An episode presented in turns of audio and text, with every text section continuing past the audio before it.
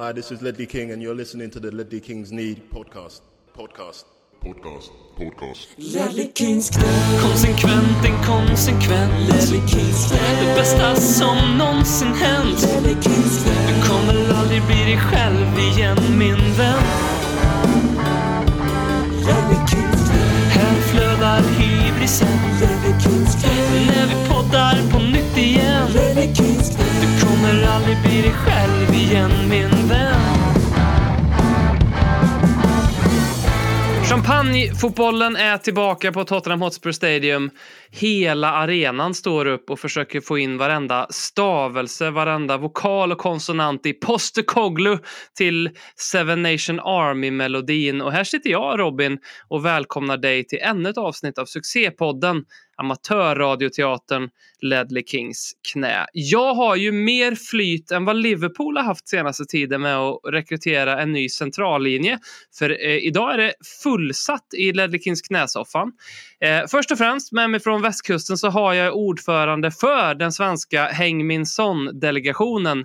Hur går det med köksrenoveringen undrar vi, Alice? Du, eh, det, det finns golv i köket nu. Så det går bra. Oj, det är ju bra. Det, Det är, bra. jättebra med golv.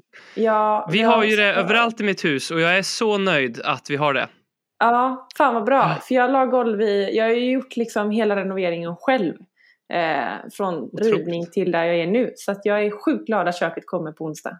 Eh, Ja. Och då, men då ska du sätta in alla stommar själv också?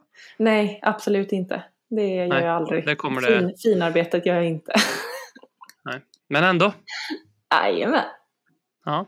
Och du sitter och sippar vin ur en eh, Nordic Wellness eh, träningsflaska eh, lagom till inspelning här också. Mycket Det fint. låter ju, låter ju helt förödande det här när du säger det så. Jag tänkte att den det aluminiumflaskan inte var med. Ja, det är fint. Det är, så här är det. Jag har ätit ur papperstallrikar i tre veckor så att det här är ingenting kan jag hälsa Ja. alla som går igenom det jag går igenom.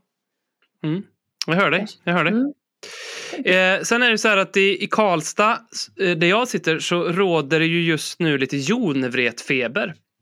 Och det är ju för att eh, pappa Kjell eh, Jonevret eh, är tränare för IF Karlstad Fotboll och eh, om man tror att Tottenham har fått en renässans så är det ju inget mot vad IF Karlstad Fotboll har fått här. Jag, går jag ut på stan så viskar folk det där är han från Ledley Kings knä och han känner ju Jimmy som är son till Kjell. Men nu har vi med oss Jimmy och du skrev ju att du firade med falukorv igår också tror jag. Stämmer det Jimmy? Det är det, absolut. Våran ska bli- falukorvsman. Ja, ja, det ska bli den nya grejen varje, varje gång nu, tänker jag. Mm. Helt klart. Och, och du och jag slog fast att vi numera är eh, eh, något så konstigt som medgångssupportrar. Ja, verkligen. I den här podden i alla fall. Mm. Jag, jag, jag, jag vet inte när jag var med senast. Det måste ju vara... Nej, jag tror inte jag var med under Contes tid alltså. Kan det, kan Nej. det ha varit så?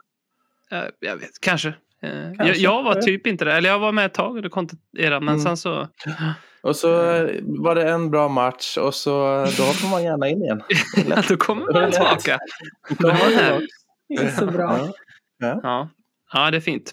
Mm. Eh, och sist men inte minst då, så eh, nyss var han ute och gjorde Sverige osäkert med sitt trumskinn. Det gör han fortfarande, men nu är han här framför en mikrofon i alla fall och då har vi ju med oss Brålandas Travis Barker, eller är det Parker? Travis Barker eller Parker? Parker. Peter Hector.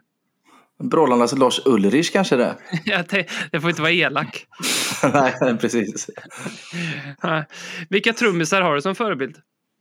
Eh, jag vet faktiskt inte. Jag har ingen sån som jag följer så här slaviskt. Jeff Porcaro kanske från Toto. som Ja. tyvärr gick bort alldeles för tidigt. Annars har jag väl inga såna här riktiga favoriter. Nej. Alice, Jimmy, har, vilka, vilka är de bästa trummisarna där ute? Skulle vi säga eh, Lars eh, Ulrich då? Nej, får du inte säga. Ja, jag, Nej, jag men, kan eh, inte ett enda, en enda. Jo, det skulle väl vara Peter då. Ja, Mm. bra Han tog min. Ja, Bra. Peter. Bra. Jag, alla jag dagar i veckan. Jag var ju i dina hoods eh, igår faktiskt, eh, Peter, för eh, jag var på en 60-årsfest. ehm, ut, strax utanför den här orten med det mest osannolika namnet i hela Sverige, nämligen Dals Rostock. Mm. Där är man inte frivilligt annars. Nej, det är man faktiskt inte. Nej. Jag var tvungen att kolla. Jag tyckte att det här var väldigt roligt. Jag bara flickar in det eftersom att vi ibland gillar att vara lite allmänbildande i den här podden. Det handlar inte alls om Spurs detta, så då kan man spola fram 30-45 sekunder kanske. Men det heter Dals Rostock och jag var tvungen att kolla varför heter det det. Vet du det? Mm, nej. Nej. För det finns ju en stor tysk ort som heter Rostock som ligger på i, vid Östersjön. Det En kvarts miljon människor bor det där. Liksom. Och i Dals Rostock i Dalsland bor det ungefär 800 invånare. Och Mm. då, eh, då, då, då döpte de sig till Rostock länge, länge sedan. Men så la man till Dals för att man vill inte förväxla städerna eller orterna med varandra. så att, då blev det Dals Rostock istället.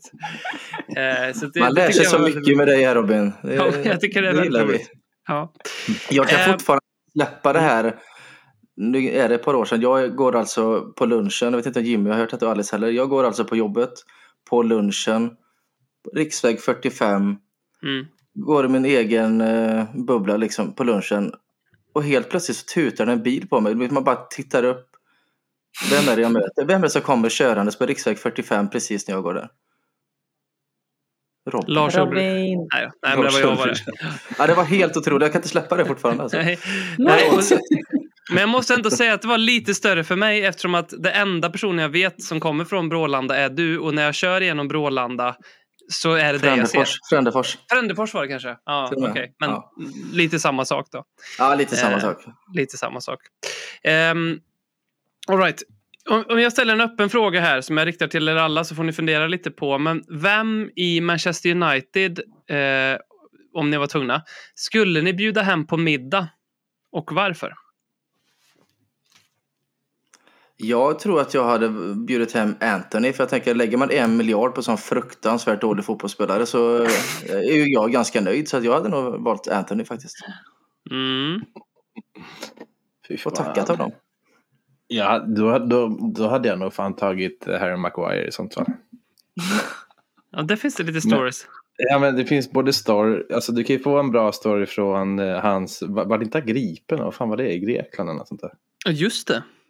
Just det. Fängelse eller något sånt där. Eller eh, någon form av häkte eller vad fan det var. Ja, fyllecell i Eh, och sen alla så fall. tänker jag att i och med att han är lite girig och sådär. eh, Så eh, nej, men det, det kan finnas något där ändå Mm. att hämta.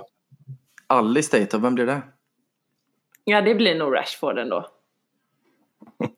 Fan vad blekt svar kände jag här nu. Ja, men jag tycker det är ett bra typ svar. Att jag skulle säga. Nej men han är ändå vettig eller?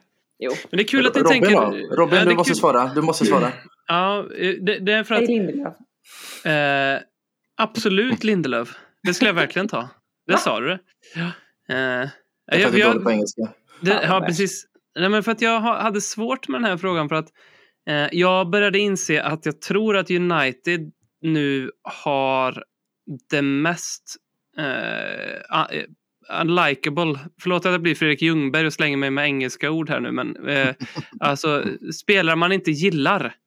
Ehm, de har en drös nu eh, och jag tror att de måste vara i toppen för det antal spelare som jag ogillar i Premier League. Alltså det är liksom Lisan- Lisandro Martinez vill man ju dänga ner. Man vill dänga ner Bruno Fernandes. Man vill dänga ner Anthony. Det, det börjar bli rätt Casemiro. många där. Casemiro också. Eh, så att de, de börjar bli... Eh, ja. De börjar bli nej, men gamla Manchester United fast de inte är bra. Lite så. Långa poddar, långa poddar, långa poddar om Spurs. Men vi har ju tagit del här av hur brutalt den stenhårda Erik Ten Hag drillar sitt lag. Eh, I somras fick vi höra att han även kallar in sin personal till klockan åtta på morgonen ibland och dessutom så kräver han att man har rätt färg på strumporna när man går ut och käkar middag på försäsongsturnéer. Men ändå fick eh, Ernst Postecoglou bara två matcher in i sin resa med Tottenham eh, se, liksom se, fick Manchester United att se ut som eh, när man spelar dataspelet The Sims och man skickar ner dem i poolen och sen tar bort stegen. Och för första gången på kanske tre år så fick Niklas Holmgren skrika sig hes när han kollade på Tottenham Hotspur. Det var inte länge sedan, det var, det var, det var länge sedan rättare sagt han fick göra det. Eh, jag satt ju och viskade här nu under Conte och Mourinho. Eh, och jag vet inte, men nu kommer ytterligare en upp, öppen fråga, men när var vi så här underhållande sist? Alltså det måste ju, kan, kanske någon enstaka match under liksom både Mourinho och Conte, men annars är det ju innan dem. Och när är ens det? Minns ni en specifik, alltså en specifik match? Ja, vi var ju väldigt underhållande Newcastle. Men inte i Spurs ögon skulle jag säga. Men det var ju underhållande. Eh, När vi fick spö av Newcastle? eller? Ja, jag Ja. tänker många tyckte nog det var ganska underhållande. Ja, ja, ja, ja. Inte jag dock, men... Nej, om man ska vara seriös, backa 2018 kanske, Pochettino. Ja, fem år sedan. Alternativt någon inte. Conte-match på våren, eventuellt. Norwich borta sista matchen när vi Ja. säkrar Champions League-platsen. Ja, ja, men när Son blev skyttevinnare. Det är nog den, den jag känner mest. Ja, men Vem, det vem hade ni tränade också då? kunnat säga. Ja. Eh, Mace, nej. Ma- Mason? Nej, det var Conte. Va? Det var när vi säkrade Champions Ja, det var League-platsen. Conte. Ja, det var var rätt trevligt. Ja, Jimmy kollar inte på de matcherna så han vet inte. Jag har ingen aning vad du pratar om. Men det är ändå sjukt att eh, man har en grej i- som är så närvarande i, i sitt liv och, och som man liksom följer så länge och sen så tänker man helt plötsligt så här, när var det här kul sist? Ja, ja, men det var typ för fem år sedan och, och så har jag ändå hållit på med det här. Det, det säger en del. Nu räcker du upp handen Alice. Fortsätt. Du, jag kom på Arsenal hemma. När Absolut. De, eh, det var en av de bästa matcherna. Men det var, Mm. jag vet inte, det var inte för att vi spelade så jävla bra, det var ju för att de fick rött kort. Och det var ju bara allting i den vägen och vi fick straff. Det var ju så himla mycket i den matchen som fick så mycket känsla. Men att det här att vi har liksom spelat oss till att vi spelade oss att vi var det bättre laget och gjorde de andra till det sämre. Det, har inte, det vet jag inte. Jag kan inte sätta ord på när det var så som det var. Sen är det ganska skönt när startelva kommer att man inte ser Ben Davis, Davidson Sanchez, Harry Winks. Och Vad de menar spelar i på varenda jävla... Nej. Bara, hur mycket tid har du? Nej men bara ha spelare du tycker om, det är likeable. Vi pratade om Mm. det lite off eh, cam här, jag och, och Jimmy. Eh, Just... Nej, man tycker om det på ett annat sätt. Det går inte att, att jämföra tycker jag. Mm. Peter, vad, vad är det exakt eh, som gör... Nu kanske det är dumt att fråga dig, för du, har du var ute och giggade eller på bröllop eller vad det var. Men du har vad är det som gör att vi är så bra mot United då? Ja, men att, vi har, eh, att vi står på eh, foten framåt och inte bakåt. Lite som Kulusevski sa. Jag går och pressar framåt. Jag måste inte gå ner och vara wingback. Och jag förlorar hellre hemma mot United med 2-1 och ger det chansen att spela bra, rolig offensiv fotboll. Precis som vi sa innan. Vi började följa Tottenham ganska eh, samma tid i början på 2000-talet och det var verkligen 6-4 hemma mot Reading. Eller 5-3 mot valfritt bunkergäng. bunkering. Liksom. Men jag tar det alla dagar i veckan hellre än att kontra in 1-0 på Manchester City i 89 minuten. Orättvist. Det är Mm. högst personligt. Jag respekterar de som inte tycker det. Men för mig är det så, så mycket i våra DNA och därför jag blev så kär i Tottenham. För att vi spelar en, en fotboll som, som är framåtlutande. Och det, det är jävligt viktigt för mig. Mm. Vad, Alice, vilka plockar du som dina topp tre från matchen igår? Oj. Eh, eh, ska man vara lite, inte så förutsägbar. Nej men Bissoma var ju ett monster. Punkt slut. Eh, Sarr var ju också helt otrolig. Eh, sen hade man egentligen velat ge den till Vicario bara för att eh, man vill ge den. För att han steppar upp när man som minst egentligen tänker att han ska göra det. Men eh, jag tror man får dela Vicario och eh, eh, Madison på den också. För sättet som Madison liksom domderar och styr hela spelet. Han styr liksom hela det defensiva och offensiva på ett helt annat sätt. Så fort någon är ur position så var han där och pekade och man, man noterade liksom hur de lyssnade på honom. Och även Romero styrde upp hela backlinjen.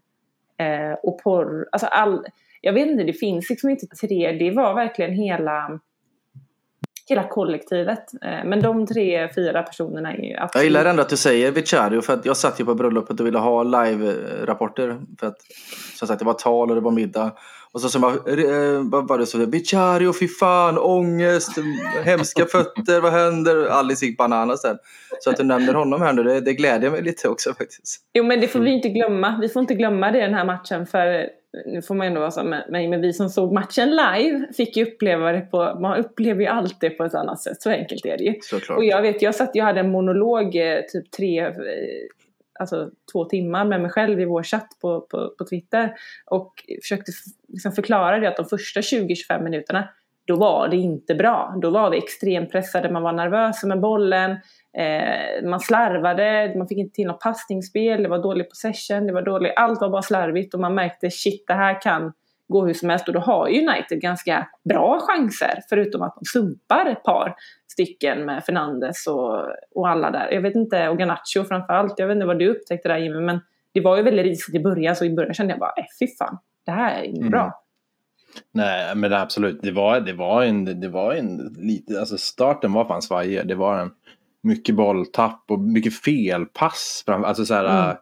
o, liksom ohot. Man kände så här, fan det här, det här blir en lång kväll alltså. Och sen så gör ju Vicario någon räddning där i början på Rashfords, eh, något instick där. Och då känner man så här, helvete, det, kan- nu, nu står emot här nu. Men sen så, jag kan inte säga en, en punkt heller där det liksom vände, men det, det, det bara liksom trapp, de kom in i matchen, det började lite nervöst men tyckte Mm. fan det var, de, sen så bara, det kändes som att de litar på varandra och litar på det de ska göra för de, det kändes inte som att de ändrade någonting heller utan det var så här, nu gnuggar vi på här att det var- det bra. Kan det varit så enkelt att det var nerver på flera nya spelare som hade sin Ja, men jag, jag, hemmadebut, jag tror faktiskt det. För, för alltså, fan, har, har, vi, har vi satt ett namn på vår nya vänsterfotade mittback eller? Van de Ven. Vad säger, na- vad, vad säger ni? Vadå namn? Van, den, Van de Ven. Van de, Van de Ven, okej jag säger F, Ja. men då säger vi Mivera. F? Ja, det är Eh, nog nej, F. han- F är nog rätt. Van de Ven. Van Det är nog helt rätt. Mm. Ja. Ja, men han, för han hade ett par felpass och jag kände så här, vad fan också, Mm. kom igen nu, nu måste han steppa upp här för att han kändes som en, det känns som en sån spelare som behöver ändå komma in i matchen fort och få lite självförtroende, för där kan han Mm. liksom Mm. boosta sig själv lite och bli en, och bli en jätte, för att han har ju många fina, alltså han har ju fina fötter, tycker jag mig ändå se på den här korta Absolut. tiden. Och speeden och sådär. Men du vet när han började, började darra lite, då kände Mm. man så här, fan kom igen nu. Och, och det var, han slog fan bort ett par i början där. Jag kände att Ja. kriga nu för att det, är han, det, han måste spela nu. Jag vill inte se en jävla Ben Davis igen nu. Liksom så. Mm. så att, eh, och, och jag tycker ändå att han, han sticker väl inte ut under gårdagen så sett. Men, men jag tycker han är jävligt stabil liksom. Och Mm. verkligen spela upp sig. Och det tycker jag också tyder på någonting jävligt starkt och bra. Att man kan faktiskt starta en match lite nervöst. Hans första hemmamatch. Alltså lite sådär. Och ändå steppa upp och faktiskt eh, hålla en nolla mot United hemma. Då kände jag så här, fan vad skönt. Bara en sån detalj liksom, ty- Mm. kan jag tycka är skönt efter en sån här match. Det är det som var Davinson Sanchez problem. Eh, för han har ju Mm. psyke. Eh, alltså Mm. han har ju aldrig... Gör han, när, efter han gör för sitt första misstag så är han ju klappkassan liksom. Men det blir det. Eh. Och också ofta tycker jag att det kan ju bli att om, om Sanchez gör till exempel något som, som en annan gör, då det kan det ju leda till mål gärna. Mm. Eh, det är det som, det, misstagen blir ju så jävla mycket större och mer förödande på något sätt. Man Eh, hoppas att det var massa scouter på Tottenham-Barcelona för det gjorde han ju den bästa matchen han har gjort i hela sitt liv. Ja, då var han faktiskt riktigt bra. Var fruktansvärt bra. Sen har man ju inte sett den Sanchez sen dess såklart. Men... Nej. Jag inser ju att eh, i och med att jag var på den här eh, 60-årsfesten strax utanför Dals, Rostock då, inte tyska Dals utan den i, som ligger i Dalsland, då så, så såg jag matchen i repris i morse. Eh, och jag gjorde verkligen det. Jag såg verkligen en hel fotbollsmatch i repris för första gången på väldigt länge. Och då fattade jag, för jag visste ju resultatet, men då fattade jag att okej, det här hade varit jävligt jobbigt att titta på eh, live, nervmässigt, framförallt första 20. Men jag kunde sitta och kolla på, ja, jag kunde ju typ skratta åt när Micke van der Ven försökte dribbla sig förbi och bli av med bollen. Ja, det blir inte mål här. Ja, alltså, eh, men, men live är ju det där hemskt. Men eh, Jimmy, eh, behöver, behöver man vara lite orolig eller hur känner du för Rikarlisson? Ja, lite, lite orolig behöver vi nog fan vara allihopa tror jag. Mm. Jag, jag, jag, alltså jag, jag, någon, jag vet inte vad det- grejen är, men jag älskar fan honom. jag har inte gjort så mycket. Han, han har inte fått, jag har inte fått så mycket tillbaks av honom. Liksom. Men jag, jag vill verkligen att han ska liksom lyckas. Jag vet inte om, häftigt med Brasilien i VM. Man kände så här, det här, det här är ju våran gubbe, liksom nummer nio i Brasilien. Alltså så här, han spelar för oss, så jag vill att han ska lyckas, men vi ska fan vara lite oroliga alltså. Mm. Eh, För, för bra ser det ju inte ut, alltså. det, kan, det kan man ju inte påstå. Sen att man får ett jävla jobb och liksom det där, men, men det, det är helt bra är han ju inte. Alltså. Såg ni den sekvensen när, eh, kommer ni ihåg sekvensen när eh, han hade blivit utbytt? Eh, och Sar hade också blivit utbytt. Och Sar, Rikarlison och Porro satt bredvid varandra på bänken. Och Mm. Satt och gjorde någon så här högstadiegrej med att han typ busade med Sarri bak i nacken eller någonting sådär. Så de busade, de bråkade lite. Och så lutade sig Porro in så här. Eh, de filmade det, ni, ni syns på tv. Och då, då slutade de båda två. Och bara en sån liten grej, det, det säger så mycket om Rikarlison att han är eh, vem han är. Eh, men, och det säger också så mycket för att det är sånt vi som Tottenham-supporter gillar med våra spelare när de, när de håller på med sådana saker. Ja, eller vad känner ni Alice och Peter? Är ni oroliga för Rikarlison? Kommer det lossna eller? Alltså jag är inte bara orolig för Richarlison, jag är egentligen orolig för hela våran fronttrea. Vi, vi har varit och touchat Son för säsongen. Det är inte gamla Son, Richarlison, aldrig släppt. Kulusevski vet man att han har en jävla höjd, men han är inte där formmässigt heller. Perisic är ju en jag skulle vilja skeppa. Solomon, fin truppspelare, men ingen som ska starta. Så att jag, jag är lite orolig. Jag tycker Tottenham behöver verkligen värva en eh, Gärna en renodlad nia. Nu vet jag att Tottenham gillar att jobba med Son och Richarlison typer att man kan spela nia, man kan spela ytterforward men fan jag vill ha en riktig nia. Jag vill ha Evan Ferguson från eh, Brighton men det vet jag att jag inte kommer få. Men jag vill ha en riktig, riktig nia. Så ja, jag är orolig. Peter är lite orolig för Kulusevski och Son. Alice, hur smälter du det? Alltså jag vet fan vad den här dagen, man kan inte ens vara lycklig 24 timmar innan något jävla orosmoment ska komma upp. Det är fan inte rättvist. Det är ni gör min dag jobbigare nu här. Nej, jag. Jag eh, fattar inte. Nu börjar vinet verka här, hör ni det? Nej, jag har tagit tre klunkar. Lugna ner dig fan.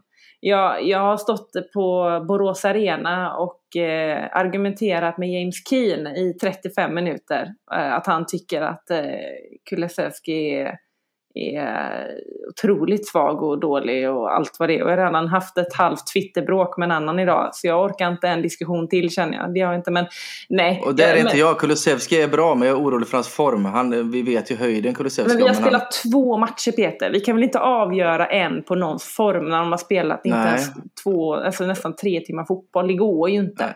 Det Vi går kan inte, inte men ha- hela, vår, hela våren var dålig. Försäsongen har inte sett bra ut och nu eh, de här två matcherna har inte varit sig själv heller. Höjden finns, men jag är orolig säger jag. Det måste jag få vara. Ja, det, det får du lov att vara. Du måste få vara lov att. Jag är helt enig om det. Men det jag bara menar är att fram till 1-0 målet, om vi vill bara veta vem, vem Dejan är, så det som leder fram till 1-0 målet, när han kommer där på kanten och viker in. Ljungberg sa det, Niklas sa det, jag sa det från soffan, de i studion sa det. Jag hoppas att ni säger det med.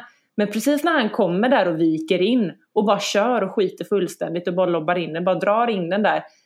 Alltså, jag är helt hundra, men fem av tio gånger så kommer det bli eh, en, en riktigt farlig målchans. Och, eh, om inte mål. Så att jag är... Det gäller ju bara att du måste ge honom de förutsättningarna som han har. Och där tror jag att den här trion, det är fortfarande en vecka sedan typ Harry Kane lämnade oss. Så att vi måste ge det lite mer tid också, faktiskt. Och det vi, jag själv blev väldigt imponerad av det är att vi har lärt oss göra mål utan den här... Kane. Vi har gjort mål igår med två personer som inte är de typerna som ska göra mål. Så jag förstår ju att man vänder det och säger fan de som gör mål har inte gjort mål. Eh, men det är också en, en fruktansvärd styrka att vi har tre, två andra målskyttar i en sån här match igår. Som inte bara gör mål men som kommer in och Ben Davis, när han kommer in, när Höjberg kommer in eh, och vem fan var det mer som kom in? Ja. Perisic. Perisic kommer in. Nej, men då känner man ju bara, fy fan vad skönt att vi har dem på bänken. Det var min första reaktion. Fy fan vad gött. Tänk om vi hade fått kasta in Sarra här nu. Eller tänk om vi, förutom att han var briljant, men ni förstår min poäng. Att kasta in någon juni som man inte vet, som man inte litar på. Att få, få ha den möjligheten och känna det när vi har det här läget är ju fenomenalt. Och det står jag för. Och också att, då att han, de kommer in och fortfarande sätter press på det sättet de gör. För vi då fortsätter dominera matchen och, gör ytterligare ett mål. Eh, det köper jag. Och det med, med Richarlison, där är min oro mycket mer än Son och Kulusevski. Men jag tror att de är sådana typer av personer vi måste bara måste ha mer tillit. För nu har vi en ny tränare och vi har gett tillit och beundrar sådana som inte ens fick spela någonting nästan förra året. Så att, eh, det var mitt tal. Vart står du Robin i Richarlison? Eh, jag tror att... eh, jag, jag vet verkligen att jag tänkte vid något tillfälle så här, men han har 15 baljor i sig, men nu har det liksom börjat eh, sina ner till 7-8 kanske. När jag sett han. För jag, jag tror att han... Jag tror att han kommer att vara nyttig på vissa sätt. För han är ju en jobbig forward att ha emot sig som en mittback. För han är ganska stark och lite rivig och sådär. Men, men eh, jag, jag tror att du sa det i förra podden Alice. Ehm, vi pratade ju om om vi kommer sakna Kane. Och då var det något läge som Ricardisson fick mot Brentford där jag tänkte direkt, ah, det där hade Kane satt. Eh, Och det är då man ser eh, hur, hur mycket man saknar honom. Eh, men jag tror ändå att han kommer vara nyttig och sen så tror jag att Ernst, liksom, hur mycket vi fyller på i boxen. Sarr gör mål på ett så här väldigt Postecoglou-vis med att vi ska fylla på i boxen. Eh, samma med Ben Davis, helt uppe pl- plötsligt där och det var Lisandro Martinez som fick det, vilket jag typ är glad för att han fick, för jag vill att han ska göra självmål, men lite synd för Ben Davis. Men, alltså, så att jag, tror, jag är inte lika orolig för målproduktionen så sett. Eh, men ja, det är väl klart att hade man adderat någon som gjorde mål på varenda touch han fick eh, på det sättet så det kommer ju inte Ricardisson att göra. Eh, tyvärr. Sen så vet jag, jag känner ju inte honom så bra ifall det är så att han är lite av en eh, formspelare. Behöver hamna i, liksom, i någon sån här målform för att kunna... Jag, jag vet inte hur han är riktigt. Eh, så att vi, det, det återstår väl att se. Känslan är ju att Son eller Richarlison behöver göra mål mot Bournemouth nästa vecka för att det inte ska Ja. börja snackas, att det inte ska börja sätta sig i huvudet. Det är min Mm. Känsla. Dejan kan ju gå längre ut och göra mål. Richarlison och Son är ju de som ska stå för produktionen, är ju känslan. Ja. Om vi tittar lite Jag- centralt i jag, banan jag, tror då. också, jag måste bara säga det, jag tror också att, alltså, att, eh, att vi skulle aldrig släppa Kane om, om inte liksom Ernst trodde att Mm. vi, har, vi kommer ha fler spelare som kommer göra mål i mitt sätt att spela. Hade han liksom varit en Conte till exempel att jag måste ha Mm. den här typen av spelare. För han kommer göra mina mål i princip hela tiden. Då, då, jag, tror, jag tror han hade stått på sig mycket tuffare och hårdare. Vi måste ha den här. Skit, Absolut. jag skiter i om ni släpper han gratis nästa år. Men jag måste ha han i år för att han måste göra våra mål. Han, Mm. han, jag tror han känner så här. Ah, ge oss en miljard. Jag, jag litar på dem vi har. För jag vet att vi har ett sätt att spela som kommer ge oss mål. Från Sar, från Davis, från vem det nu än må vara. Så jag, jag tror och jag litar på att det kommer fortsätta vara så. Och att man kan ha en, en Richarlison som ändå känns jobbig att möta och hit och dit och kanske öppnar upp lite ytor och sådär. Ja, då får det kanske vara så. Samtidigt så, så vi, behöver man ju en gubbe som kanske gör i alla fall en 15-20 för att man liksom ska komma upp eh, och slåss där uppe. Men, men samtidigt så känner jag att jag litar så, så mycket på det här nu ändå så att eh, jag tror att det, det kommer komma oavsett vem som är där. Jag tror att man hade kunnat spela med liksom Dane Scarlett uppe på topp och det hade ändå gjorts mål. Liksom. Mm. Är det så att man ska byta plats på Son och Richarlison på sikt kanske? På Ja, det är inte, det är inte en dum idé. Jag, jag tror att för Son har ju lite... Eh, Ernst vill ju att de här yttrarna ska kunna gå en mot en på ett annat sätt som Dejan fixar. Men som Son har lite svårare med. Son löser ju den typen av eh, sprintduell eller boll, djupledsboll på ett helt annat sätt än någon annan. Det är han världsklass på. Mm. Eh, men, ehm, och Rikardisson möjligtvis bättre på det. Och, så, så det, det blir intressant att se. Jag tror att Ernst kommer vara öppen för den möjligheten. Och jag tror också att hade vi haft en, en Conte så det vet vi ju liksom nu att han var ju jättestatisk. Han hade ju aldrig testat en sån grej. Liksom, liksom, eh, så. Men eh, det tror jag det kanske eh, Postecoglou kommer göra. I, I januari så är det Afrikanska mästerskapen eh, en bit in eh, på 13 januari tror jag att det börjar, så håller det på eh, typ en månad. Hur orolig är du Jimmy? För nu verkar det som att eh, Bissoma och Sarr är vårt nya eh, central, centrala mittfält här. Mm. Alltså genom att bara titta på, på gårdagens match så känner man ju så här. den, den här nivån, man, Skip liksom är vår egen gubbe och du vet, vi nästan gjort sig lite rolig över att man gillar honom. Men i ärlighetens namn så, så är ju han en, han är ju inte ens, han har inte den här höjden som Sar visade upp igår. Och det tror jag nästan alla håller med om. Alltså, Skip gör liksom två mål mot Barcelona och så här, men du vet, han, han når inte upp till den här höjden. Och, och, och här känner jag, i, i, i, bara att se en sån här match från Sar, känner jag så här att det här är ju, det är ju så här vi kommer spela mestadels i alla fall. Och blir vi då med båda de två, då, ja, då vet det fan, för då blir det ju liksom, vad blir det? Höjbjer och Skip liksom. Men då är Bentancourt Vi tillbaka. Ja, tillbaka.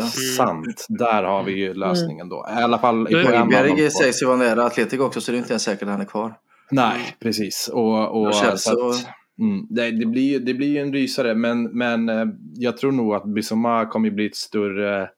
Om, alltså han kommer inte vara så här bra som han var igår varje match, men, men eh, han känns som att han har en speciell spelstil och han är jävligt duktig på att hålla i bollen och så, här, och det kommer man ju sakna liksom. Så att eh, det blir tufft såklart. Men, Mm. ja. Vad tror, ni, vad tror ni beror på att inte Conte såg någonting i Bissoma? För det, det kan ju omöjligt varit så. Han, han fick ju knappt någon luft alls.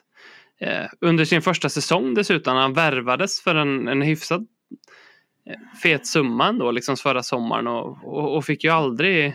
Vad tror ni att det berodde på Conte eller Bissoma eller vad kan det vara? Det är så jävla svårt alltså. Jag, jag, jag kan inte fatta Mm. det. För, för mig känns det som att det är liksom inkompetens rätt igenom. Men eh, någonstans har väl han bevisat att liksom det, kanske, det, han har väl gjort saker i sin karriär som har varit smarta och bra. Men, men jag, kan inte, jag kan inte fatta det. Jag har så Nej. svårt att se. eh, Jag tror vad- att det är- Det må, jag tror att mycket har någonting att de inte har klickat. Ärligt talat. Jag tror att det är no, någonting. Det kan vara så enkelt. Det är inte omöjligt. Eh, Mm. Det märker man ju mer och mer. Jag tyckte Ernst Lange sa det så fruktansvärt bra. Jag kommer inte ihåg det exakt. Men han sa det här att när han kollar på en fotbollsmatch. Då är han lite som att när han kollar på en film. När han står på sidlinjen. Han vill liksom inte att någon pratar med honom. Och någon stör honom. Han vill bara vara inne i matchen. Och liksom stänger allting ute. Och tittar då på Conte, vi har haft det innan och jag tror det säger ganska mycket om hans ledarskap och hans stil. Det här med att han säger det han ska säga är hård och rak och rättvis. Eh, men tydlig och engagerad och har en stark kommunikation. Och det gör tror jag att han kommer överens med väldigt många personer. Jag tror han har ett, vad är det man säger, adapted leadership. Att man kan liksom verkligen välja det, vilken spelare mot det. Och jag märk, känns ju som att alla spelare utifrån det man har hört och hur de utstrålar för energier och vad de gör på planen har ju kommit extremt bra överens med honom. Eh, och det tror jag måste ha någonting att göra. För det är det som är nästan skrämmande när man tittar på de som är på mittfältet. När man bara, så vi hade vissa av de här i ett år i startelvan. Eller egentligen under ett helt år. Vi har inte spelat om någonting. Men vad fan höll vi på med? Det är ju nästan, och det är ju det det är att man har tänkt det ganska länge i tid igår. Bara, fan har vi haft det här kapitalet, sparkapitalet? Och inte ens haft på bänken, typ. Hur, hur, vad, vad fan är det frågan om? Sen Eh, var väl Bissoma, det var väl rätt så mycket småskador, känningar. Och sen tror jag man missuppfattar Bissoma för att Dan Bissoma i Brighton, det var ju mer en bollvinnande mittfältare. Det vi ser nu, det är ju, det är ju en lirare utan dess rang. Conte ville ju ha löpmeter. Det var ju Bentancur och Höjbjerg, de sprang ju som djur där inne. Bissoma med småskador, han kanske inte kom upp på den fysiska statusen och var lite för mycket bollspelare. Som, alltså, som Madison, han hade inte passat eh, på ett centralt mittfält under eh, Conte. Jag tror inte Bissoma var en sån spelare som Conte ville ha heller. Men eh, uppenbarligen så har han ju bevisat honom fel. Mm. Fant- Fantastisk start eh, i alla fall på den här säsongen för Bissoma. Eh, Oh ja. han, har ju varit vår, han har ju varit klart bäst. Överlägsen. Eh, Alltså det är ju i- Moussa Dembélé i, i Ja. prime liksom. Ja, ja, men det är det här att eh, han, är så, han ser så himla lugn ut och självklar ut hela tiden. Eh, Alltså tänk, tänk att få tillbaka Bentancur i sin prime med Bissoma och Madison. mm. Då jävlar Mm. Jävlar vad fint. Jag måste bara säga, men såg ni det, det samspelet mellan Son och Madison igår? Eller på under matchen, har ni, la ni märke till någonting extra där? Som man har sett i en symbios liknande Harry Kane och Heung-Min Son. Ja, för visst, Madison blev ju lite nästan Kaneig. Alltså i Ja. det här Kane gjorde när han droppade ner i banan, Ja. det har ju Madison axlat lite grann. Så det Mm. kommer vi inte sakna på det. Det Mm. verkligen, Mm. håller med om. Nej, sjukt fint. Jag såg det. S- Sen tänker jag så här, nu, nu, nu kommer hybrisen, men, men det får den väl göra då. För alltså, det är två matcher in. Eh, och jag tänker bara, tänk vad mycket bättre vi kommer vara när mycket av det här som Postecoglou försöker att inpränta sitter på ren intuition också. För nu ser man ibland liksom att de får bollen. Det är någon fri, men de är liksom vad, vad, eh, nej jävlar, ah, den, nu försvann den chansen. Det sitter inte så här liksom. Men det kommer det börja göra när de vet att okej, nu är du där. Eh, och då, det betyder att Son breddar där nu och Ricardo som löper och då slår man bara bollen utan att ens titta. Men det, men det är lite mycket sånt för vi har gått ifrån den här äh, defensiva tagliatelle-fotbollen med att ligga lågt och bara kontra till att liksom, nu har vi två eh, inverterade ytterbackar som ska in och vara med i uppspelet. Det ser man ju fortfarande. Vi skrattade lite åt det förra veckan mot Brentford. Att det, det, det, det såg nästan ut liksom, det nästan lite roligt ut när de bara oj, är du här? Oj, ja, ja. Alltså det, det var ju lite så under United också. Jag hade Där någon skulle- sagt till mig att när vi, när vi tar och anställer Ernst så ska Emerson vara playmaker centralt på mittfältet. Då hade man ju Ja. exploderat. Ja. Men och där skulle jag vilja dra en lans för Perisic. För, för jag har också velat få bort honom, men jag är lite så här. Jag tror att han skulle kunna vara lite av ett utropstecken i år. För att jag tror att Perisic skulle eventuellt... Judogi har varit jättebra, eh, men Perisic med sin spelförståelse, rutin etc. som inverterad ytterback kan nog och han, har bra teknik och bra fötter också. Det kan nog bli rätt intressant. Liksom. Um, så att, uh, det, det var lite hybris bara. att Det, det, det, det verkar som att uh, det här skulle kunna bli väldigt, väldigt bra när, när allting eh, sitter av. Men om vi får ta ner det på jorden lite grann. Eh, det, finns ett, det var ett konto på Twitter som heter William skakar päron. Det är säkert en referens som inte jag kan, men, men William skakar päron. Eh, som skrev jättekul och trevligt på alla sätt. Eh, eh, men finns risken att vi ser en klassisk ny tränare-effekt? Vi får inte glömma att Nuno var månadens tränare augusti 2021 när Tottenham gick rent tre matcher och slog City. Eh, det får vi faktiskt inte glömma. Fan vad hatar William skaka pennan för att han påminner mig om det. Så. Men, men finns det någon sån, vad tror ni? Finns det en risk för att det här är en ny tränareffekt med Postecoglou? Nej, alltså, det, det, är- alltså jag, jag ska vara helt ärlig nu. När vi har suttit och pratat här äh, om Conte och Mourinho och så här. Jag, jag, jag har helt glömt bort att Nuno har varit tränare för Tottenham. Ja. Alltså, det är inget Dessutom emellan Jag- jag här, där. Ja, du sa det nu, jag var så här, Ja. vad fan, han var ju där emellan också. Ja. Eh, men var det inte så att, det, alltså, även fast vi vann och sådär, det, det såg väl inte helt kanon ut då Nej. heller vill jag minnas. Man kände så här, Nej. Åh Mm. vad härligt att vi vann, då var mot City hemma i premiären, det är väl bra oavsett vad, liksom så, men det, det, det, gav ju ingen någonting direkt och man kände så här, ge oss, ge oss ett par matcher här nu så kommer det förmodligen gå åt helvete ändå och om det ser så dåligt ut då måste du liksom vinna matcher annars är det ju rökt liksom. Mm. Eh, börjar du torska två, tre matcher och se så dåligt ut, då är det ju över. Liksom. Så att, ja, det är inte jag orolig för att det skulle vara en sån grej. För att om man bara tittar på hur spelet ser ut och 2-2 borta mot Brentford, det är väl, det är väl bra liksom. Men, men jag menar, det, det ser ju, man, man ser ju saker som känns spännande liksom. Och det gjorde man inte då om jag minns rätt. Nej. Mm. Sen måste jag flika in, sen får vi liksom inte glömma att det som leder till, ja, men som vi sa, bör, pratade i början av matchen, vi får en, i mitt tycke, då var det en solklar straff eh, till United eh, med den handen, eh, handsituationen. Alltså, vi snackar, det är så få eh, moments till att hela matchbilden kunde ändras också. Det är det som gör att man, även fast man är hybris och helt överlycklig och tacksam för fotbollen man får se och allting, så inser man att det, den här matchen hade kunnat ändras väldigt fort också. Eh, och det, har ju, det var ju det vi pratade om senast också tror jag. Att eh, Eh, vi får vara beredda att vi kommer göra extremt mycket mål framåt. Eller, för det kommer vi göra. Men vi kommer också kunna släppa in en jävla massa mål bakåt eh, när vi har den här fotbollen. Och det kände man ju flera gånger. Precis som vi sa i början. Hade det varit ett City eller någonting ännu hårdare. Som, som, och där hade väl inte United den bästa dagen, helt klart. Men man måste ha med sig det att eh, fan det... Eh, den biten var väldigt svajig och det hade kunnat ändras och där får vi nog eh, för där är jag med Bournemouth. Alltså alla de här lagen som är sådana bra förstörarlag, nu är de ganska bollförande lagen då, Bompan väl, men det, är, mm, o- det är oro direkt. Imorgon är det måndag, ny vecka och ny ångest. Så att då släpper vi det här och går vidare. Det märkte vi mot Brentford. Vi är ju en skada på våra mittbackar ifrån att det ser ut som vanligt igen. Ja. Det är så, Romero och Van de Ven kommer ju vara så otroligt vitala. För ska vi spela Dyer, Davis eller Sanchez, då är vi tillbaka på ruta ett. De måste på riktigt fasas ut. Vi måste ha in nya mittbackar. För vi är central mittfält, det märker vi. Vi löser det med Sar framåt. Vi kan slänga Perisic, eller någon- men mittbackar, nej. Vi måste, måste, måste lösa en mittback. Vi kommer det, till det, som det jag kan, det, det jag kan känna, eh, alltså ett hopp om det där, till exempel igår då, som, som det blir en ganska tydlig grej att eh, vi släpper till mycket målchanser. Vi hade ju så, så här, de här inläggen och nickarna. Det känns som att man hade tio fria nickar typ.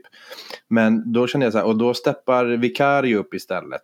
eh, Och nästa gång så kanske eh, Romero stänger till helt och hållet. Eller, alltså så här, man, jag hoppas att det, det är vårt nya bra, att någon hela tiden steppar upp. Okej, vad fan händer nu? nu? Nu börjar det svaja här. Då, måste, då får någon kliva fram. Och igår gjorde Vicario det, gjorde ett par fina räddningar. Alltså så här, och det är det för, för tidigare år nu, då har det varit då har Sanchez varit dålig. Då, samma match då, då har Dyer också varit dålig. Och så har Hugo släppt in en, en tavla. Liksom. Alltså så här, alla Mm. blir dåliga av varandra.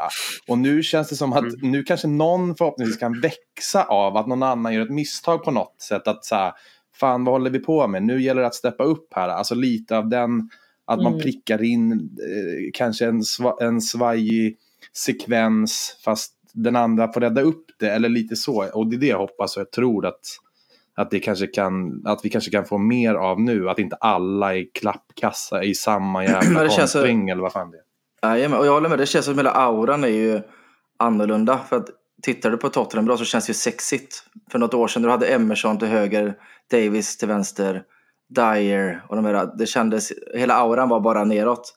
Nu märker man med Odoji, du märker med Van de Ven, Romero, Sar nu går det jättebra match. Madison har kommit in som att han har varit här i åtta år. Mm.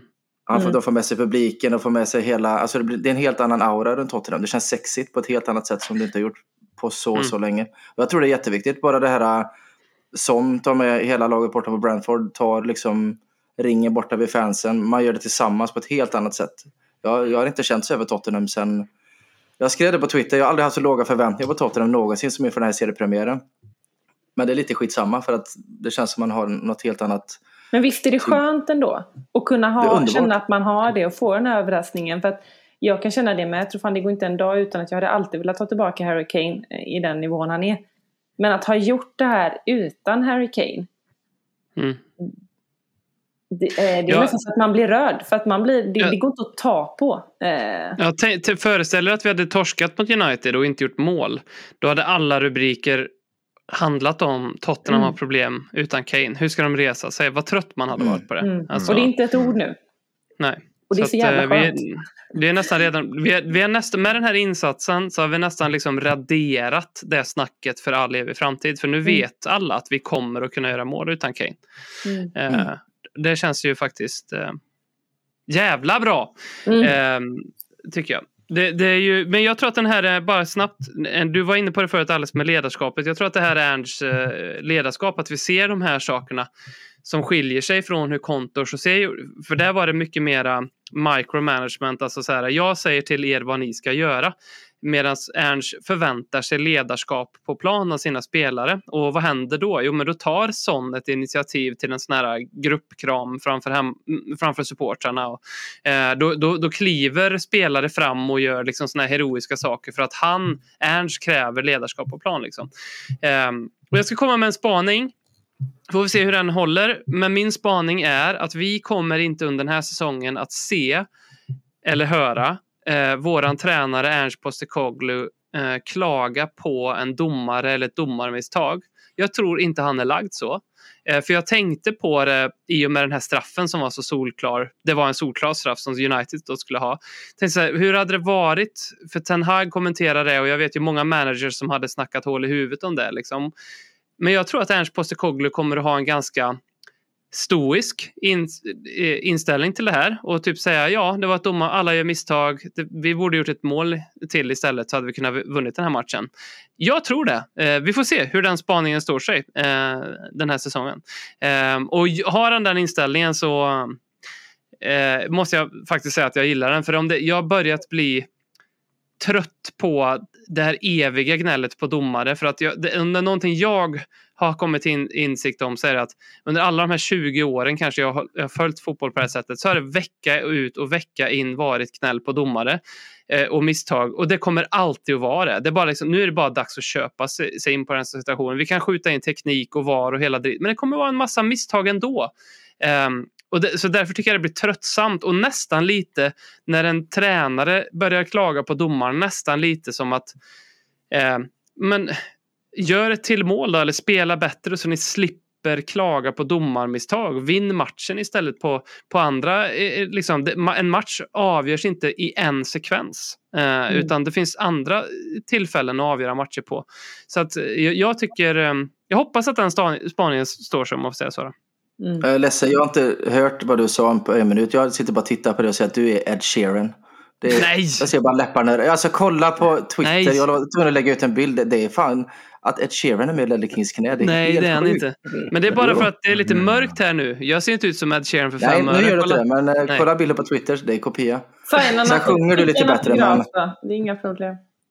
Nej men sen måste jag, måste bara, jag, jag vill bara flika in där Robin, jag är helt enig för att man ska inte vara långrandig men, men det var bara för att jag precis pratade med Fabian Jalkemo om det här. Men han tyckte, eller jag ska inte säga vad han sa, det kan man lyssna på själv. Men jag kan känna i mitt egna tycke att eh, att man ska behöva sitta på en intervju och lyssna en gång till att Bruno Fernandes kräver att domaren kommer ner i deras eh, omklädningsrum och berättar exakt varför det här blev vad det blev.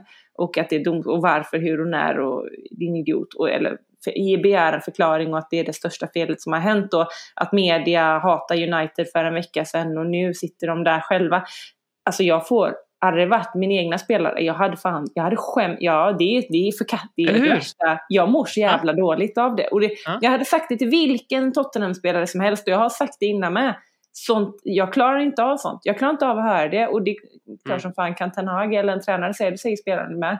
Eh, Och jag förstår ju frustrationen, 100%. Vi har varit där tusen gånger så att jag köper det 1000%. Men den reaktionen och det säget, det, det han skickar inte fram honom. Det är Nej, det, för det blir ju en, det blir en ursäkt.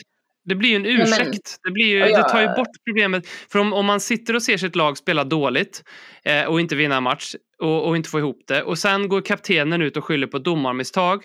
Då skulle det bli provocera. Jo, jo, det var ett domarmisstag, men ni kunde spela så mycket bättre. Det blir som att, och då kanske de inte ens eh, sitter där i omklädningsrummet och säger till varandra, fan vi måste steppa upp liksom, utan de, de sitter och ältar det här domarmisstaget.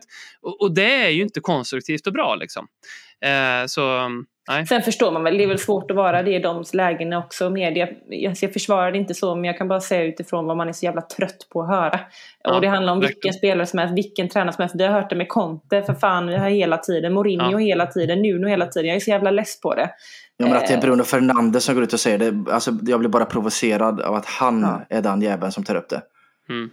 Ja, Där kan jag tycka media är så jävla dålig också.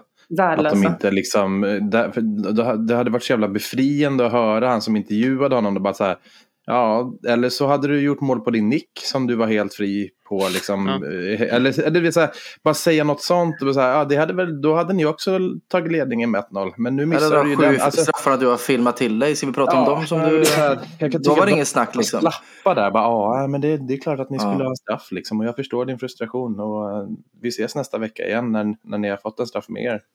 Eller något sånt. Det- Ja, för det är lite så det blir på en säsong. Så för de flesta lag blir det plus minus noll. Eh, ja, man förlorade någon match på det där och man vann någon annan gång på det där. Och det, det, det är ju lite grann så. Vi har rykt, det har ryktats om att vi ska anställa en sportchef. Och eh, jag kan ärligt talat säga att jag inte kan hans namn. Eh, men jag vet att han kommer från Barcelona och att jag tror att efternamnet börjar på A. Men eh, då har jag en sån tur att eh, Peter Hector har gjort lite research Eh, vad säger vi om den här sportchefen? Först och främst, vad heter han? För det känns ju ändå viktigt att, att ta upp så. Men också, vad kan han tillföra? Kan det här vara någonting? Vad tror du? Ja, men mitt framförallt fantastiska spanska uttal så är det någonting Mm. i stil med Mathieu Alemany. Mm. Mm. Mm. Något sånt. Mm. Eh, som du säger, från Spanien. En eh, 60-taggare är han faktiskt. Oh, shit. Eh, läste på honom idag. Jag fick det här i knät av Robin. Peter, du gör research på sportchefen så känner jag bara, åh fy fan, jajamän. Mm. Ungarna ligger och sover så eh, då gör man det. Eh, vad jag får till mig så är den, han är utbildad jurist och har en master i redovisning och finansiell styrning. Så bara där är han ju liksom Levis eh, lille, eh, pojke. Han vet alla paragrafer han ska liksom hålla sig inom och sådär.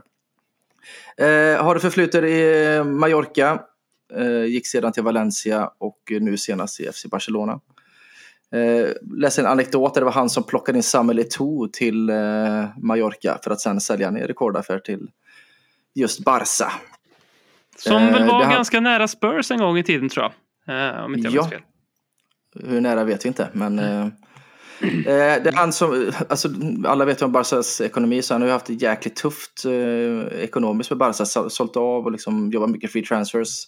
Så det är han som lägger bakom Werner Lewandowski, Kessie, eh, Ferran Torres fick man ju betala en ganska bra peng för, Kondé också. Eh, free transfers övriga, vet jag, det är Christensen och det är Erik Garcia och de här. Och trots detta så har han ju faktiskt löst ändå en ganska slagkraftig trupp som i fjol vinner eh, La Liga. Så på pappret är det ju en, eh, en kompetent eh, sportchef. Sen har han ju varit väldigt nära Aston Villa har det sagts. Nu var det Fabrizio Romano som gick ut och sa att det är Tottenham som ligger mest nära till hands, att han ska anställas i september. Vad som stämmer och inte vet jag inte, men eh, verkar vara kompetent och kunnig eh, snubbe. Jag vet inte om ni har läst eller hört någonting om honom. Nej, jag reagerar liksom direkt på att jag vill inte ha en gammal gubbe. Jag vill ha typ en av de här tyskarna mm, som är 30 bast och har glasögon och kan mycket om data och inte någon som är så här eh, Paratici 2.0 som kan wheela och deala och sitter och tar samtal i bilen och liksom. Ja, men jag känner han i Juventus. Jag ringer han och kollar om vi kan få. Jag, jag, vill, jag, vet inte, jag, är jag, jag säger inte att han är sån, men jag bara får den vibben. Ehm, och jag vill ha någon som är mer uttänkt och liksom sitter i Excel och säger bara den här spelaren ska Tottenham köpa. För så, de värvningar vi har gjort med Van de Ven, eh, inte kanske Madison då, men framförallt Van de Ven, eh, har ju, och Solomon till viss del, har ju känt, och Vicario har ju känt som att det är någon som har suttit med datan och bara sagt det här är rätt keepervärvning. Okej, okay, Okej, vi fick inte Raja för rätt pris, då går vi direkt på Vicario. Ehm, och Van de Ven var någon form av första eh, choice. Så, så det, det vill ju jag ha.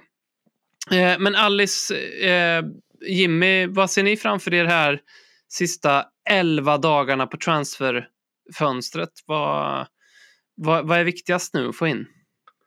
Alltså jag, jag, jag håller ju med dig om det där med liksom att det det är den här, att det är lite mer uttänkt nu att det är den här gubben vi ska ha på den här positionen. Så på, någonstans så hoppas jag att det håller i sig, att man nästan kan lita på att blir det inte den vi vill ha, då blir det inget. Och då är jag nästan hellre, alltså jag är mer fine med att det inte blir någonting då, än att vi tar in någon som vi inte är helt hundra på ska komma in rätt i, i, i, det här, i den här truppen nu som vi hoppade, hoppas vakna till här för två veckor sedan och, och liksom fick lite nytt liv. Så att kom inte in med något skit nu som stör den här ordningen. Men däremot så, vi, Peter har varit inne på det nu också, vi behöver ju förstärka och då är det ju där bak och en, kanske en nia. Mm.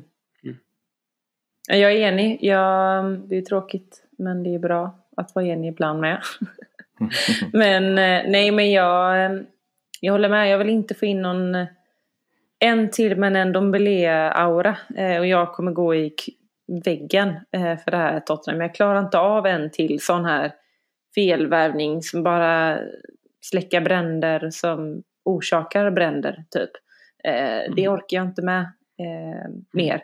Eh, så att jag tror också, jag hade fan velat få in en till fin mittback bara så man kan känna att vi har tre personer som vi kan alternera. Fine, vi har ingen Europaspel men det är precis vad vi har pratat om att är det en skada Eh, så, men sen vänder man på Arsenal då, vad fan, de har ju en fantastisk elva. Jag tyckte inte de hade en lika cool trupp förra året. Så att eh, jag vet inte. Mm. Det är det som är så himla svårt med, med fotboll. Eh, alla de bästa lagen har ju en fantastisk, en grym elva. Och, ehm, så är de bästa, men jag vill inte, inte... jag vet inte hur ni känner, men jag är inte redo att hålla på och snacka om att vi ska vara där uppe. För vi har haft två bra insatser. Jag vill bara jag vill att vi håller nere nivån och bara försöker komma in i det. Se det som en lång jävla turnering snarare. Och bara få komma in i det. Yes, vi gjorde ett, en bra insats, kan bli tre steg bakåt. Och det får vi bara leva med. Vi måste påminna oss själva om det. att Vi måste få leva med att det kan gå eh, många steg bak som sagt. Men annars, nej. Jag tror, hatten. ändå, jag, tror, jag tror ändå många är mer redo för de tre stegen bakåt nu än, än vad det Mm. har varit på länge. Så, Ja. så länge vi kan få en sån insats som igår.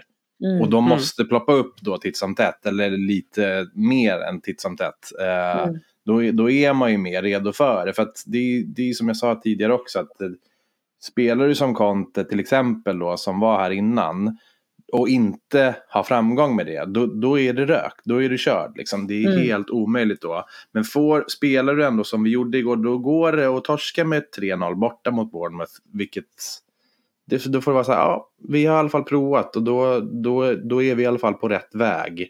Och som du säger, vi kan inte, man kan, vi kan inte chansa med någon nu som, ja men han var bra där, alltså vi köper han för massa pengar, men vi är inte säkra på om han kommer passa in hos oss nu.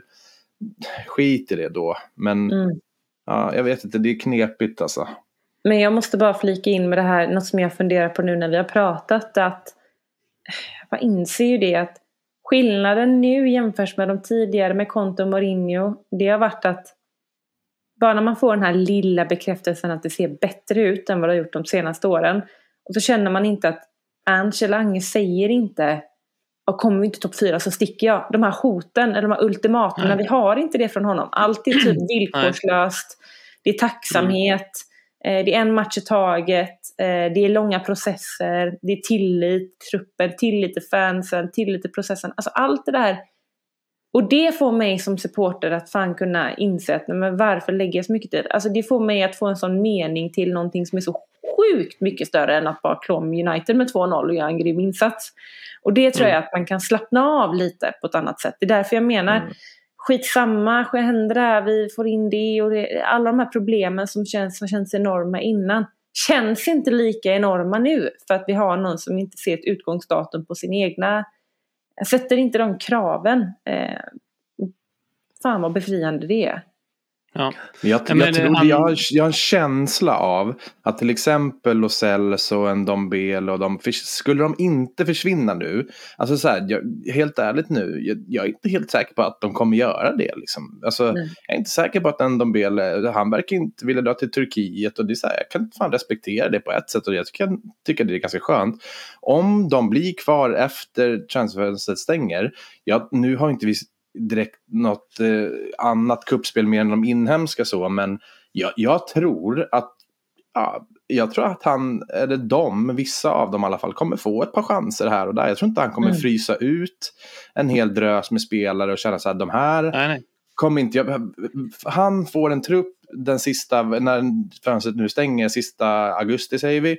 Och det är de här jag har, bra, då vet jag det. Nu jobbar jag med de här. Ndombele har gjort eh, tre bra träningsveckor. Ja men vad fan, vi startar han då, en match. Eller låt han hoppa in en match och så gör han en bra. Alltså, så här, jag tror att han är mer åt det hållet. Att nu har jag det här att röra mig med och då tror jag att han kommer ge många av dem chanser. Någon match här, någon match där. De som gör det bra får fler och mer. Mm. Han sa ju exakt detta efter matchen också i sin presskonfa. Ehm, Ja. För han fick frågan om Typ så här var det, jag kommer inte ihåg ordagrant. Men ehm, Pedro Porro fick starta idag och Sarr också. Du körde ju eh, Emerson och Skip förra matchen. Hur kommer det sig? Och då svarade han ju mer eller mindre exakt sådär att ja men jag har en trupp och jag måste ju utsätta dem för hetluften för att se vad de går för.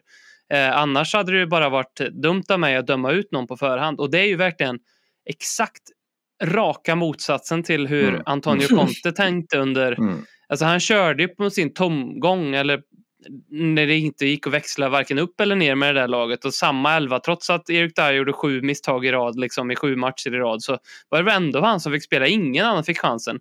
Och det är klart att för en trupp så blir ju det lite så här ja men vad ska jag, vad ska jag behöva göra för att komma in i den här elvan? Eh, och också så här, okej men jag måste hålla en bra nivå här nu för att inte tappa min plats. Och det är ändå jävligt sunt att eh, bara för att du heter Tango Ndombele och, och var våran typ dyraste värvning någonsin så betyder inte det att du eh, får spela från start. Liksom.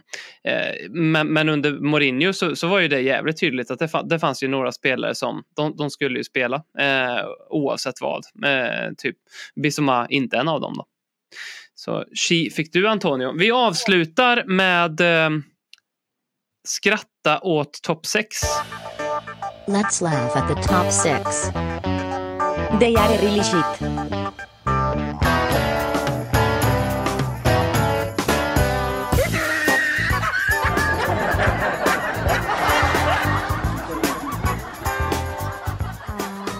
Och vi ska säga att Peter Hector har skrivit i chatten här att han har eh, sprungit till sin eh, yngsta som har vaknat för kvällen. Vi vet ju hur det är med det där med, med de små glinen. Eh, Skratta och topp 6 är eh, vårt segment då vi... Eh, det, det, det, kom ju under väldigt mörka perioder i Tottenhams historia där vi kände att vi behöver sluta tänka på Tottenham i 50 minuter och bara skratta åt något av topplagen som har gjort bort sig på ett eller annat sätt.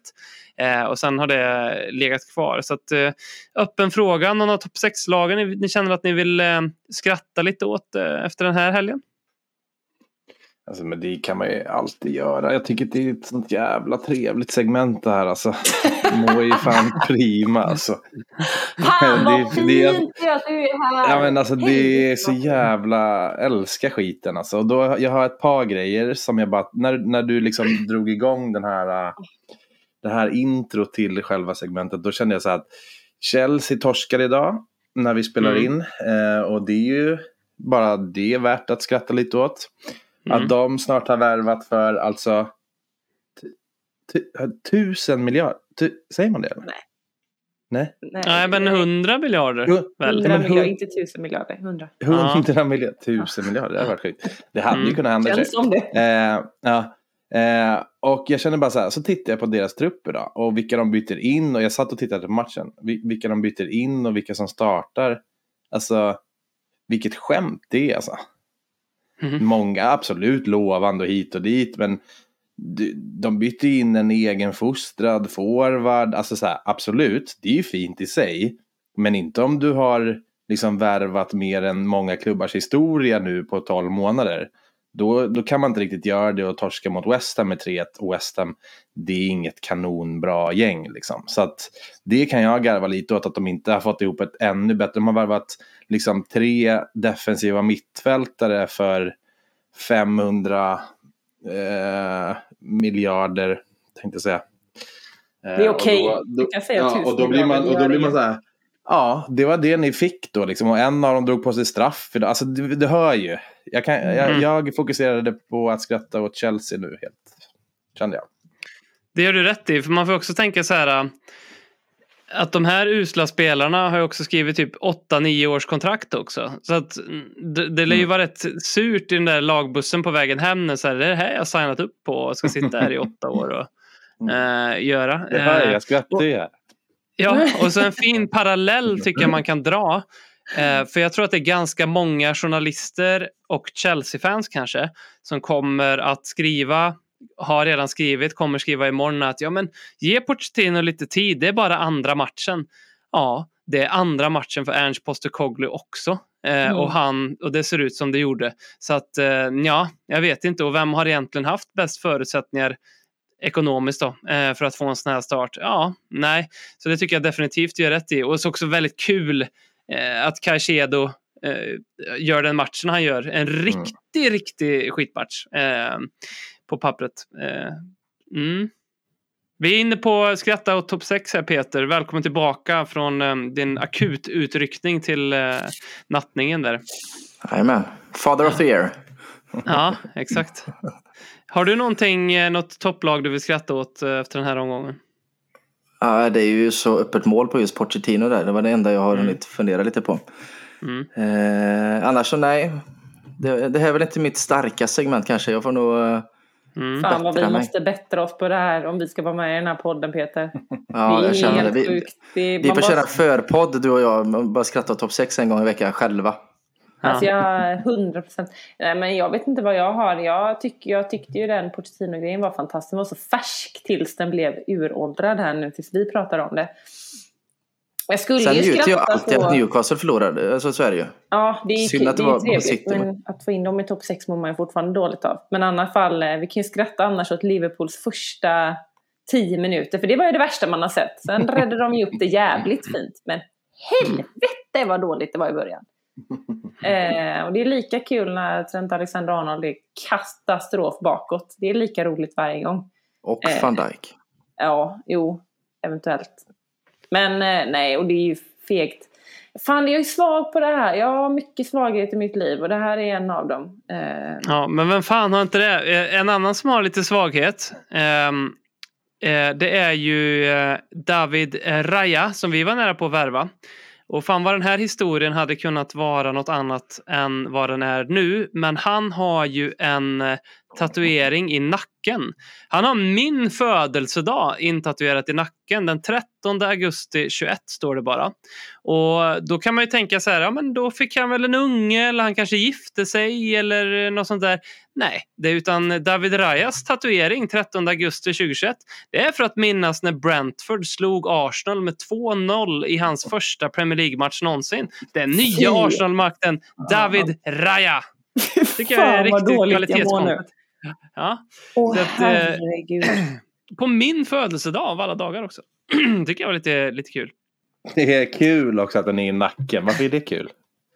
Det Ja, är kul att den sitter i nacken. Ja, det är det faktiskt. Det är Det är faktiskt att så det- jävla dumt alltså. det är det För faktiskt. att aset inte ska behöva se den själv.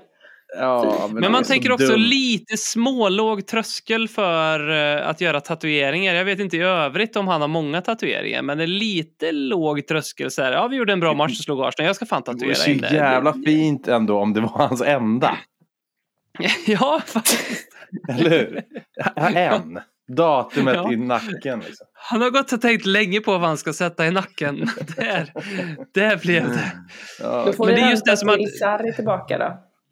Då har han Ja, tatuerat det. sig från första baljan igår. just Ja.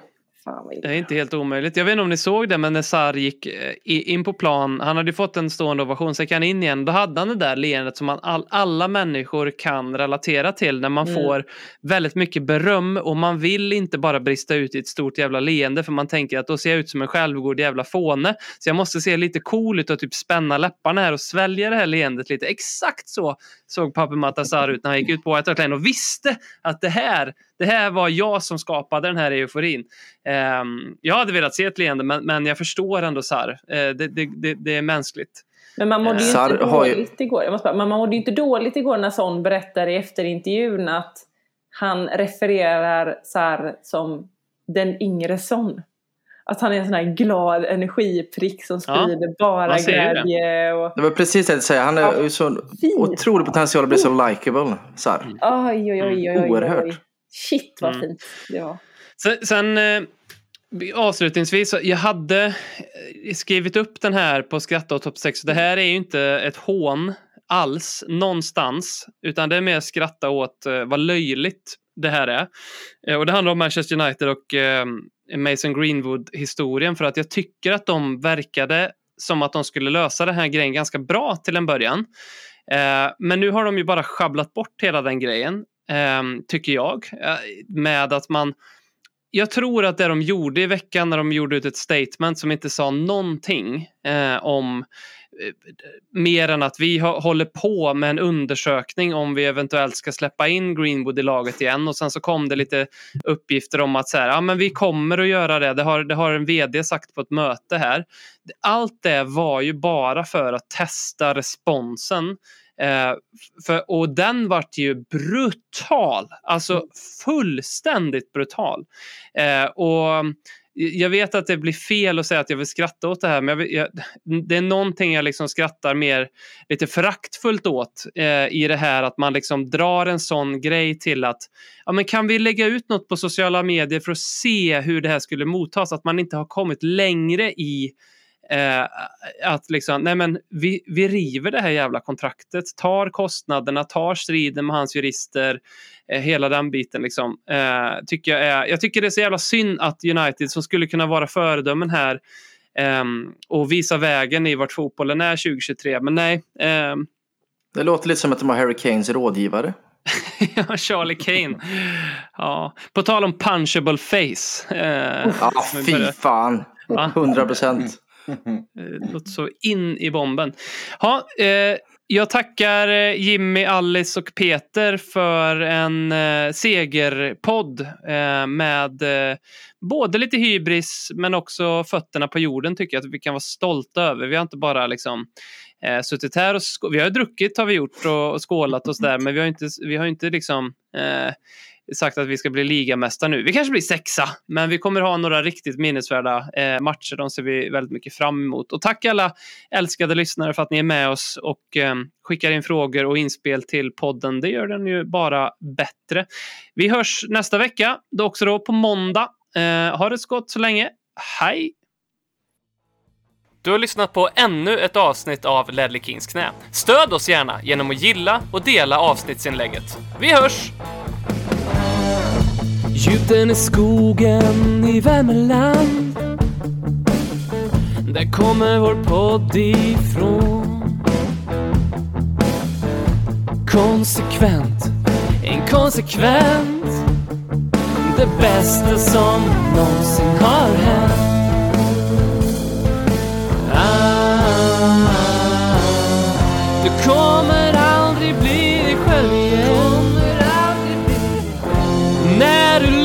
lyssna på Radioteatern